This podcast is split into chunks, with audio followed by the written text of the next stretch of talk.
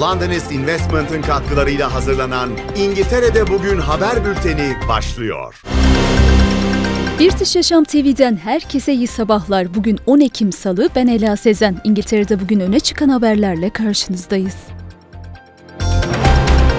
İskoçya Başbakanı Hamza Yusuf, Filistinli eşi Nadia El Nakla'nın annesi ve babasının Gazze'de mahsur kaldığını bildirdi. Yusuf gazetecilere yaptığı açıklamada eşinin anne ve babasının Gazze'de yaşayan 92 yaşındaki aile büyüklerini ziyarete gittiğini ve bölgede mahsur kaldıklarını aktardı. İsraillilerin kendilerine ülkeyi terk etmelerini söylediğini ancak ülkeden çıkmalarının mümkün olmadığını ifade eden Yusuf, İngiltere Dışişleri Bakanlığı'nın güvenli geçiş garantisi veremeyeceğini kaydetti. Kayınvalidesi ve kayınpederinin hayatta kalıp kalamayacağı endişesini taşıdıklarını söyleyen başbakan, duydukları endişe ve üzüntü nedeniyle geceleri gözlerine uyku girmediğini dile getirdi. Hamas'ın İsrail'e düzenlediği saldırılarda ondan fazla Britanyalı'nın öldüğü ya da kaybolduğu belirtiliyor. Kesinleşen iki isim var. Nathaniel Young ve Bernard Cowan. Öte yandan BBC'ye göre fotoğrafçı Dan Darlington'ın ailesi oğullarının öldüğüne inanıyor. Saldırılar sonucunda İsrail'de 260 kişi müzik festivalinde olmak üzere 900'den fazla kişi hayatını kaybetti. İngiltere hükümeti bölgede 50 bin ile 60 bin arasında Britanyalı olduğunu tahmin ediyor. Ayrıca Dışişleri Bakanlığı bölgeye sadece zorunlu seyahatler için gitmeyi öneriyor veriyor. Başbakan Rishi Sunak artan şiddet olayları sonrasında acil bir toplantı gerçekleştirdi ve İsrail'deki olayları dehşet verici olarak nitelendirdi. Sunak Hamas'ın ve destekçilerinin gerçekleştirdiği bu saldırıları kınadı.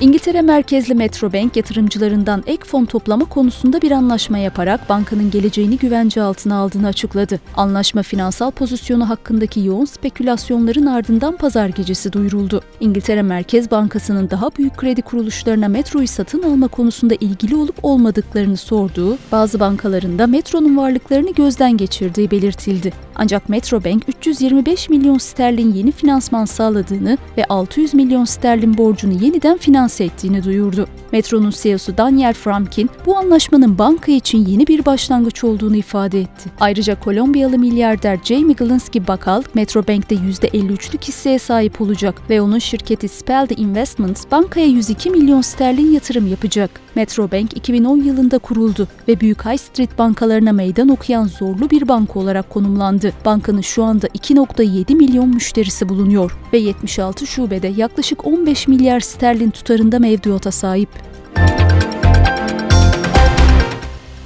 Medway'de 2023 Noel ışıkları ekonomik zorluklar nedeniyle iptal edildi. Medway Belediye Meclisi'nin bu kararı alma sebebi bu yıl için 17 milyon sterlinlik bir bütçe açığı tespit etmesi. Bu şekilde 75 bin sterlin tasarruf edilmesi bekleniyor. Belediye Başkanı Vince Maple zor kararlar almak zorunda olduklarını belirtti. Her yıl binlerce kişi Rochester Dickensian Noel Festivali için Medway'e geliyor. Belediye Başkanı festivalin ve Rochester Kalesi'ndeki Noel pazarının planlandığı gibi gerçekleşeceğini duyurdu.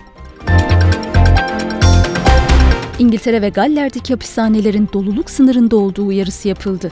Hapishane Yöneticileri Derneği Başkanı Andrea Olbat, derneğin yıllık konferansında bakanların sert ceza politikalarının hapishaneleri doldurduğunu belirtti. Olbat'a göre hükümetin suçluları daha uzun süre hapse atma ve tahliyelerini zorlaştırmaya yönlendiren politikaları, hapishane nüfusunun son bir yıl içinde 6500 artarak 88.016'ya yükselmesine sebep oldu. Ayrıca geçmişte kısa süreli hapis cezalarını sonlandırmak gibi adımlar atan yetkililerin görevlerinde uzun süre kalamadığına dikkat çekti.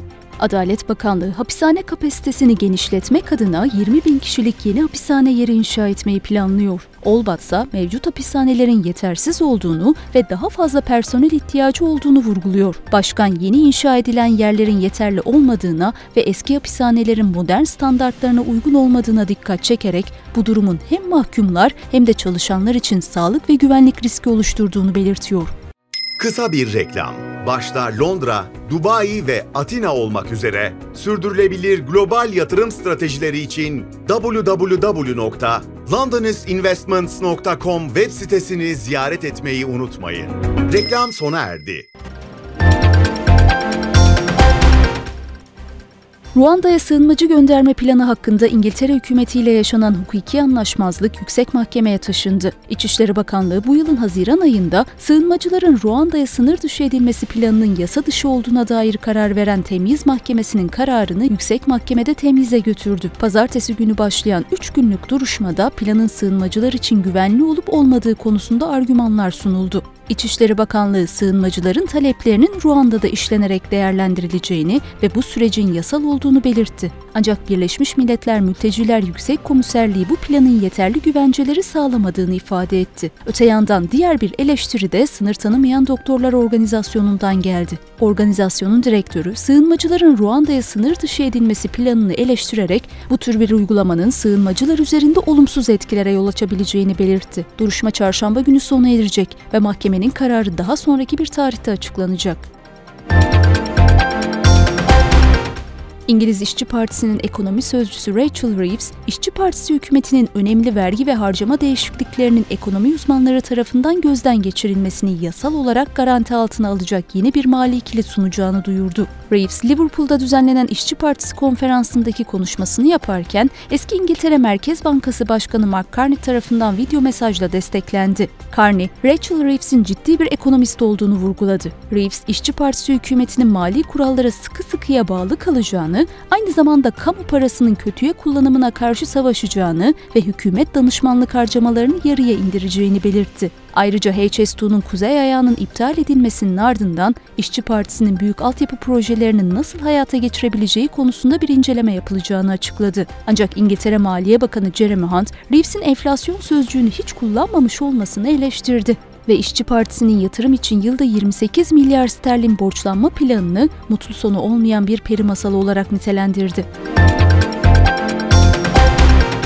İngiltere'nin Mali Denetim Kuruluşu Finansal Davranış Otoritesi yeni kripto reklam düzenlemelerinin yürürlüğe girdiği ilk günde 146 firmaya uyarı gönderdi. Yeni kurallara göre kripto para tanıtımında bulunan firmaların İngiltere'de otorite tarafından yetkilendirilmiş ya da kayıtlı olmaları veya reklamlarının yetkili bir firma tarafından onaylanmış olması gerekiyor.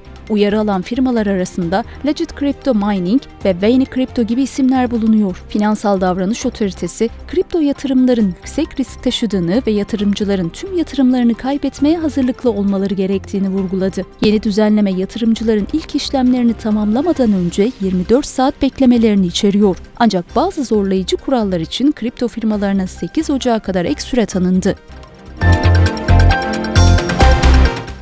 İngiltere Premier Ligi bu hafta heyecanlı karşılaşmalara sahne oldu. Tottenham deplasmanda Luton Town'u 1-0 mağlup ederek zirvenin yeni sahibi oldu. Ancak bu zafer Yves Bissoma'nın kırmızı kart görmesiyle gölgede kaldı. Diğer yandan Arsenal Manchester City'yi 1-0'la yenerek son haftaların formda takımı City'nin liderlikten düşmesine neden oldu. Liverpool ise Brighton'la 2-2'lik skorla eşitliği bozamazken Aston Villa ve Wolverhampton 1-1'lik skorla berabere kaldı. Manchester United Brentford'u 2-1 ile geçmeyi başardı. Süper Lig'de Tottenham liderliğe otururken Arsenal ikinci sıradaki yerini aldı. Manchester City ise üçüncü sıraya geriledi. Liverpool dördüncü, Aston Villa beşinci ve Brighton altıncı sırada kendilerine yer buldu. Bu sonuçlarla İngiltere Premier Lig'de zirve yarışı kızışmaya devam ediyor.